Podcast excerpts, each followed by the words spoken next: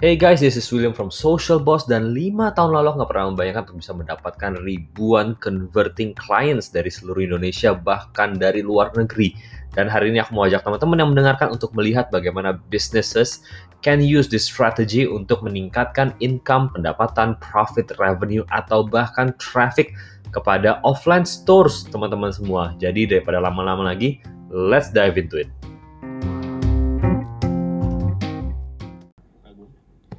Oke, teman-teman, kali ini kita balik lagi di episode ke-24 gitu ya dari Social Boss dan kali ini kita ada kedatangan tamu lagi dan hari ini kedatangan temen aku juga waktu pertama kali kita mulai bikin konten sekitar bulan April gitu ya. Jadi temen, salah satu super powernya dari social media lah kita jadi ketemu teman gitu ya. Aku banyak ketemu teman di social media dan hari ini salah satu temanku yang dapet dari Instagram juga dan menghasilkan banyak banget uang dan klien lewat pure satu source yaitu Instagram. Nah, boleh nggak kenalin diri dulu sebentar sebelum kita mulai? Oh iya, siap. Kenalin, nama saya Michael Andojono, uh, foundernya PPC Creator, yang ya sekarang sebagai social media agency, ya tugasnya bikin-bikinin konten buat klien-klien kami gitu. Ya ada consulting juga sama untuk digital marketing, tapi mainly fokusnya ke konten dulu kita. Sedap. Gitu. Jadi PPC Creator itu dibangun tahun ini lah ya, 2020 bener ya? Yes, Januari sih, hmm. bener-bener fresh. Oke. Okay.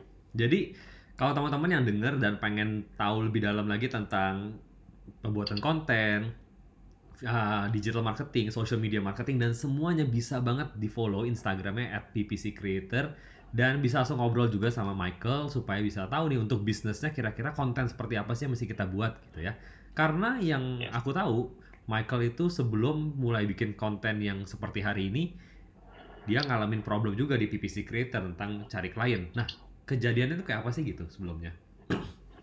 Oke, okay, jadi uh, sebenarnya itu start awalnya PPC itu kan Januari ya. Oke. Okay. Januari kita start, and then kemudian kita pakai Facebook Ads dulu hmm. pas itu. Kita cari klien pertama pakai Facebook Ads, hmm.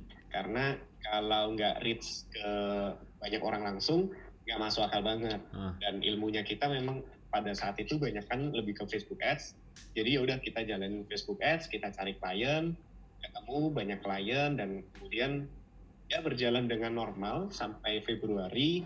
Dan di bulan Maret ya negara api menyerang ya. Di corona datang corona ya. datang. Akhirnya gila itu ke klien habis semua. Banyak yang lagi pengurangan biaya. Hmm. dan akhirnya di bulan Maret itu omset kita mungkin turun sekitar 60 persen ya. Hmm. 60 persenan lah kalau pada saat itu saya lihat laporan keuangan udah mulai mendekati merah tuh. Hmm. Udah mulai Wih, sedap. BEP gitu. Ngeri, BEP. Kan kita kayak aduh gila ini gimana gitu kan. Hmm. Dan di bulan yang sama ketika udah mulai tahu bahwa ini nggak bisa diterusin, keuangan bisa kacau gitu kan. Hmm. Nah, akhirnya hajar ads lagi. Hmm. Karena di pikiran kan ya udah awalnya kita pakai ads. Dengan budget yang kecil and then dapat klien banyak harusnya sekarang juga sama dong hmm. tapi ternyata karena keadaannya memang langsung se Indonesia dan semua pebisnis pada uh, pengurangan biaya dan akhirnya ads-nya malah boncos hmm. gitu malah boncos dan nggak tahu udah gimana hmm. ya pada saat itu nggak ada pilihan nggak ada pilihan lain yang kita tahu cuma organic growth hmm. karena kita ya jasanya jasa konten gitu kan bikinin konten buat klien ya udah kita walk the talk juga ya hmm. ya udah kita bikin konten buat PPC sendiri kita jalanin organic growth dan ya dari situlah mulai pelan-pelan pelan-pelan followers naik dan kepercayaan klien-klien baru mulai datang gitu hmm. itu ya pada saat April ya kita April. ketemu itu juga ya bro ya yes gitu yes. jadi Uh, bener banget gitu pas awal-awal tahun 2020 itu aduh ngep sih bener-bener karena dari aku pribadi pun dulu kita belum bikin jasa consulting dan lain-lain cuman bikin apa waktu itu ya bikin jasa bikinin website doang dan setelah Februari ya hmm. sama mati semua bye bye semua closing apa belum deal. Batal ya saya batal dulu deh bikin website deh. Ya seriusan kenapa batal? Ya corona begini mau gimana? Jadi memang saat hmm. corona semua kena gitu cuman kira-kira nih bulan April itu konten seperti apa sih sebenarnya yang bikin PPC itu growth-nya tuh kayak orang gila gitu sebenarnya? Hmm, oke. Okay. Pada saat itu kita fokusnya konten ke edukasi ya. Hmm. Ke edukasi karena strateginya pada saat itu kita mikir cuma simpel aja sih. apa yang bisa bikin orang-orang ini uh, datang ke kita. Hmm. Ya jujur kita pinginnya jualan gitu kan. Yeah. Tapi nggak mungkin kita bisa jualan ke orang-orang besar kalau kita nggak ngelayanin dulu semua orang hmm. orang-orang yang butuh. So hmm. strateginya nomor satu kita jalanin helping dulu. Hmm. Jadi kita bantuin dulu lah. Kita kasih konten edukasi, kita kasih konten yang bermanfaat buat audiens, dan kita juga harus sadar bahwa ketika ada orang follow, itu kayak 90% mungkin itu nggak mungkin beli produk kita. Hmm. Dia akan cuma menikmati konten okay. gratisannya kita, huh. ya kan? Nah, that's why jangan sampai kita followersnya nggak nambah, uh -huh. harus nambah terus. Karena kita udah tahu tuh 90% lebih pasti nggak nggak beli produk. Hmm. Dan sisanya itu yang mungkin masih tanya-tanya, masih harus digiring sampai jadi closing.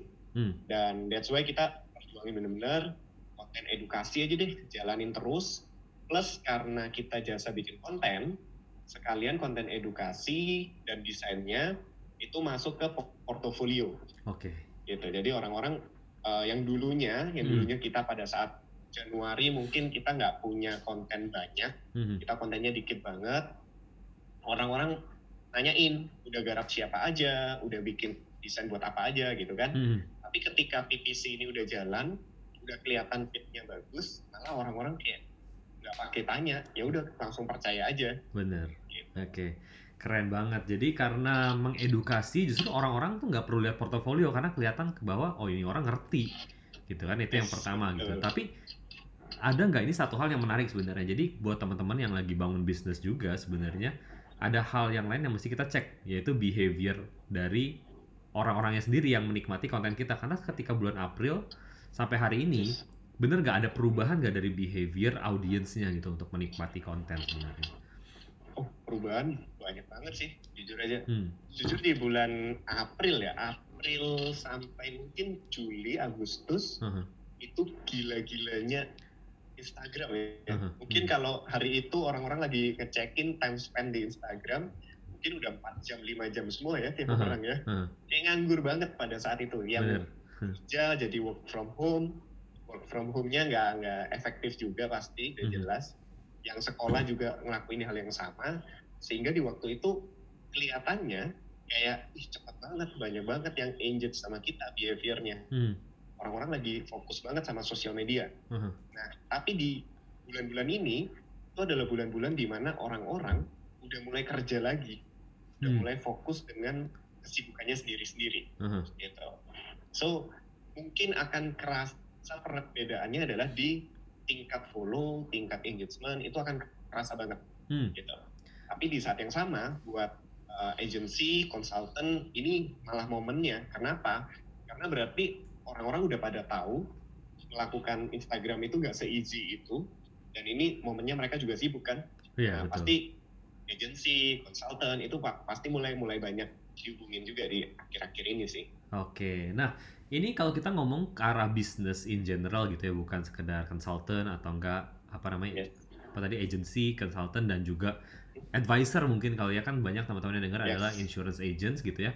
Kita mau ngomong lebih luas gitu ya bahwa bisnis in general gitu ya. Nah kalau bisnis gitu kan kita kalau di dunia Instagram sejak bulan April sampai bulan Agustus banyak orang tuh jadi ngerti bahwa oh yang namanya engagement itu penting ya kan. Yes, nah betul. sedangkan sebelum bulan April bisnis-bisnis yang minta tolong bikinin konten, minta tolong siapa uh, ngurusin Instagram, social media, mereka nggak tahu apa itu engagement, apa itu likes dan lain-lain. Kira-kira sebenarnya untuk bisnis secara umum, engagement itu penting banget nggak sih sebenarnya?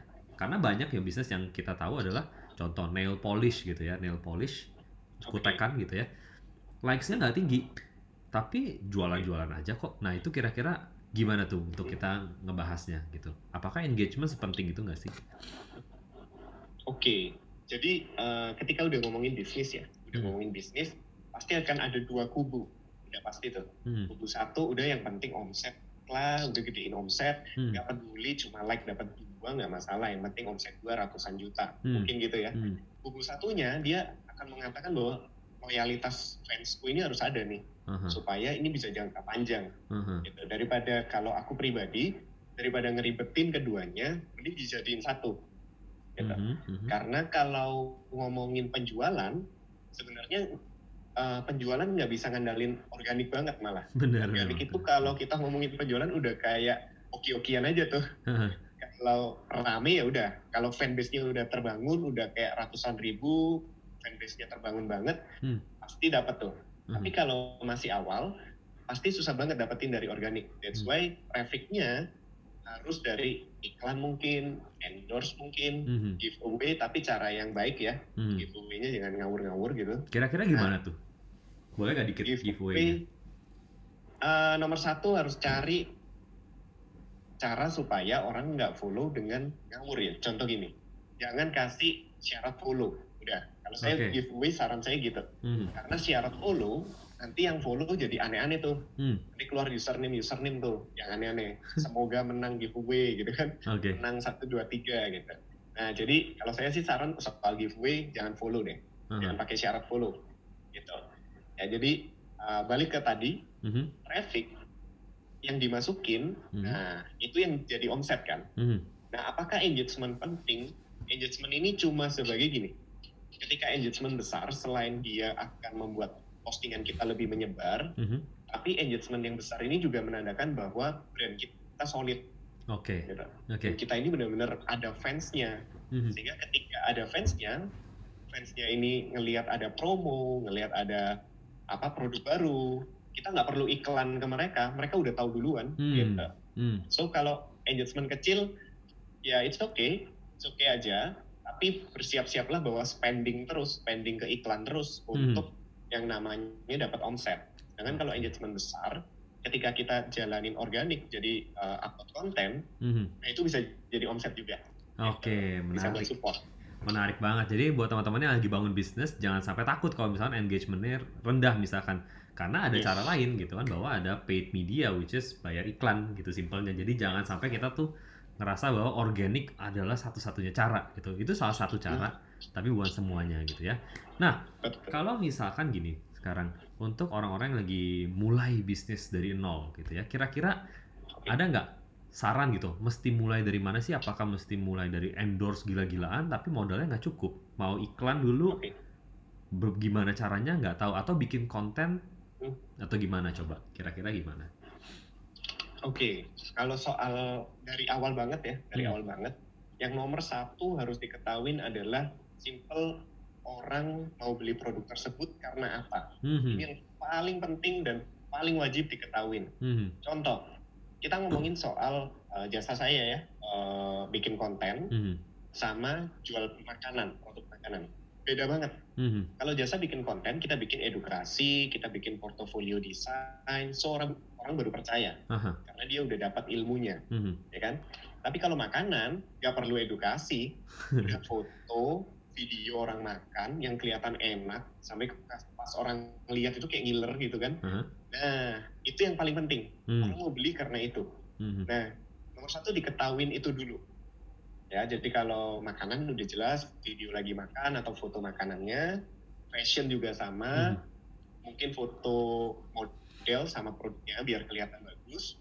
Nah, kalau sudah dijadiin konten, mungkin mulai start di 9-15 post, kalau ada budget buat iklan, jalanin iklan. Hmm. Ya kan? Hmm. Kalau tidak ada, jalanin strategi uh, eh, 502 mau nggak mau, ya hmm. ya kan? Organiknya hmm. dijalanin tuh. Uh-huh. Nah, tapi jangan ngawur 502-nya. Hmm. Jadi kayak zaman sekarang kan sering tuh ya. Aneh-aneh. Ngawur-ngawuran kelihatan Aneh. banget, iya. kelihatan banget gitu. Nah, jangan. Jadi lebih ke arah kalau mau sekalian rada hard gitu, langsung di DM target marketnya. Hmm.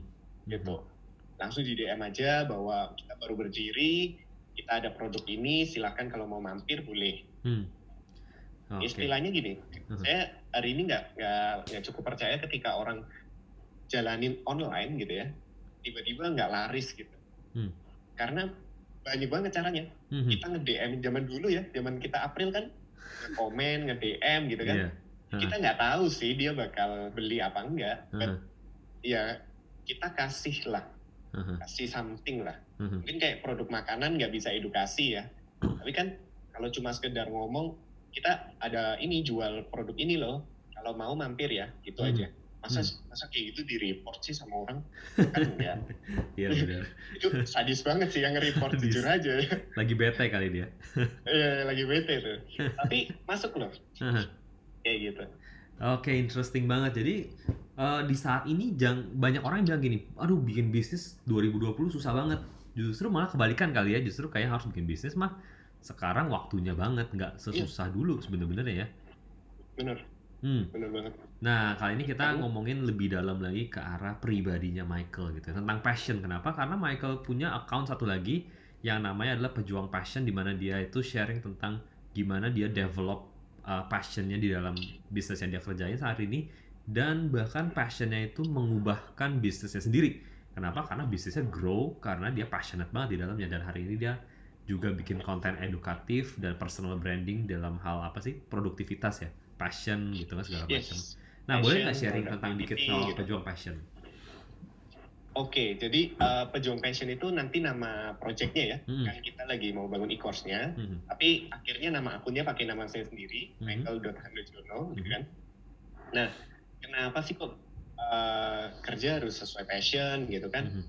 Sebenarnya simple sih, karena passion itu kan gabungan ya.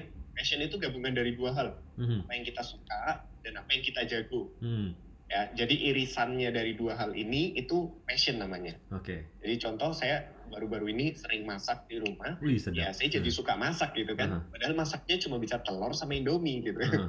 nah tapi itu bagus saya suka saya happy ketika ngelakuin itu karena itu satu rutinitas baru buat hidup saya hmm. masalahnya nggak jago hmm. nah kalau nggak jago nggak bisa disebut passion hmm. di situ oke okay. ya kan tapi kalau passion itu udah uh, suka uh-huh. dan jago.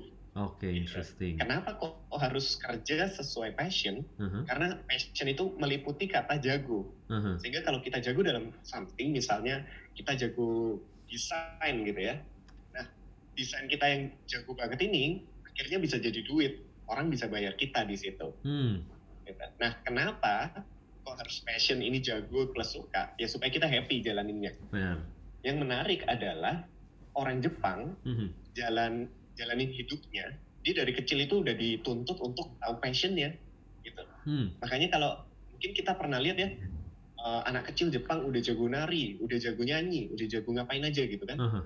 karena dia udah nemuin tuh passionnya dari kecil Wih, sedap kenapa kok harus nemuin passionnya duluan supaya gini orang Indonesia pikirannya gini aku kerja sampai usia 55 60 tahun udah nggak tahu ikut orang nggak tahu bisnis yang penting sampai usia segitu nanti pensiun. Hmm.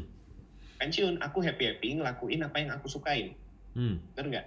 Hmm. nah gimana kalau apa yang aku sukain dan apa yang aku kerjakan ini dijadiin satu? Itu. Hmm. kalau mungkin nanti pensiun hobinya ternyata melukis gitu. Kenapa nggak melukis dijadiin kerjaan? Dan kalau itu bisa terjadi kita nggak pernah mikirin namanya pensiun. Hmm Iya kan, udah hmm. kayak kerja terus aja, padahal yeah. ya nggak kerasa kerja malah kayak happy terus, uh-huh. gitu. Jadi sampai usia 70, 80 orang orang Jepang nggak pernah pensiun. Hmm. Gue kayak mereka hebat banget di satu bidang, hmm. hebat banget. Dan bener, kita bener. malah kebalikannya, kita hmm. malah ya udah 30 tahun ngelakuin sesuatu yang nggak kita suka nggak apa-apa lah demi hidup lah gitu kan. Okay. Nanti pensiun lah baru ngelakuin apa yang kita suka. Hmm gimana kalau digabungin tuh? Kan asik banget. Gitu sih. Menarik. Jadi kalau misalnya ngomong ini aku cukup uh, suka banget. Kenapa? Karena kita ngomongin soal edukasi gitu. Di Indonesia itu edukasi sebenarnya lucu. Kalau teman-teman yang dengerin tentang edukasi di Indonesia itu lucu banget sebenarnya. Kenapa? Karena edukasi di Indonesia itu mengajar gini orang tua aduh kamu matematika nggak jago? Kita harus les matematika. Kamu gambar jago? Nggak usah les lagi deh. Justru kebalik ya harusnya. Yeah. semakin jago harusnya semakin dilesin ya bener ya. Jadi matematikanya nggak jago ya wis biarin aja. Orang kamu juga nggak pakai juga matematika. Buat apa sih? Nah cuma kalau gambar kita hmm, jago hmm. harusnya tambah tambahin terus sampai kita expert di satu hal gitu ya. Nah tadi Michael ngomong soal orang Jepang yes. bener banget gitu ya bahwa orang Jepang itu lucu. Keluarganya penjual apa sih namanya roti melon. Uh sampai terus terusan roti hmm. melon terus sampai expert sampai mereka bilang gini wah ini roti melon terenak nih di Jepang nih. Karena lucu gitu nah. sebenarnya denger kita sebagai orang Indonesia dengar lucu ya kayak ih yes. kok passionate di roti melon sih aneh banget tapi dia paling jago masalah di Jepang bikin roti melon gitu kan Nah itu yang mungkin menarik banget gitu. Jadi kalau teman-teman juga uh, seneng banget dengerin tentang passion, dengerin tentang gimana cara kita develop diri kita, self development, menemukan passion dan uh, monetize kita punya passion gitu. Karena lucu gitu. Banyak uh, mungkin ini dari sisi kebalikannya kalau uh, kita dari sisi bisnisnya, ada orang-orang justru yang kebalikannya gini. Dia ini tahu passionnya dia, tahu dia jago apa, dia suka apa, tapi dia begini aku tuh monetize-nya gimana ya caranya aku jadi aku pribadi punya banyak temen gitu jago coding jago gambar jago desain jago hmm. masak jago bikin kue datang gini bro aku monetize gimana ya aku lah banyak oh. wah kalau kita kayak wah banyak banget caranya gini gini gini gini gini kan kok bisa ya kepikiran nah kalau menurut Michael sendiri gitu gimana sih caranya di di era digital hari ini monetize kita punya skill gitu. Nah ini kan salah satu produk yang Michael okay. juga jual gitu ya. Boleh nggak diceritain dikit? Siap.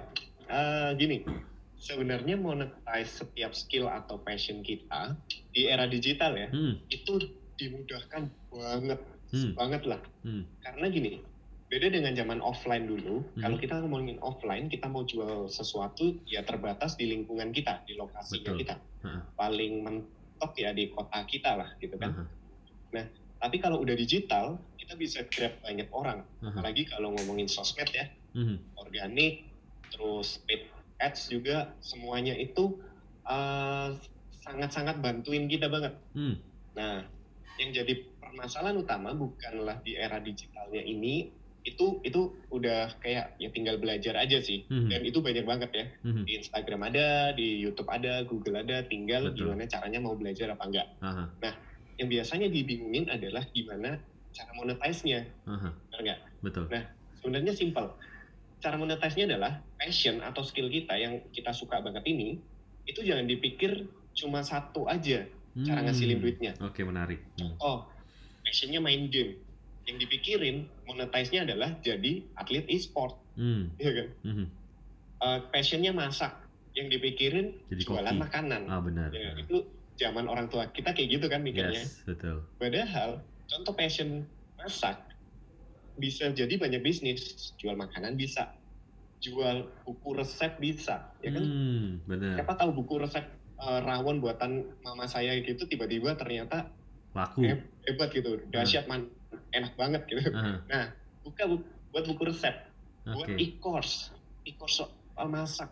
Wih, itu laris loh pasti. Wih, sedap. Iya kan? Ah, benar Terus apalagi ya kalau masak uh, mungkin bisa dijual-jual ini apa namanya alat masak. Hmm, Jangan bener. bilang alat masak nggak ngaruh sama passion masak.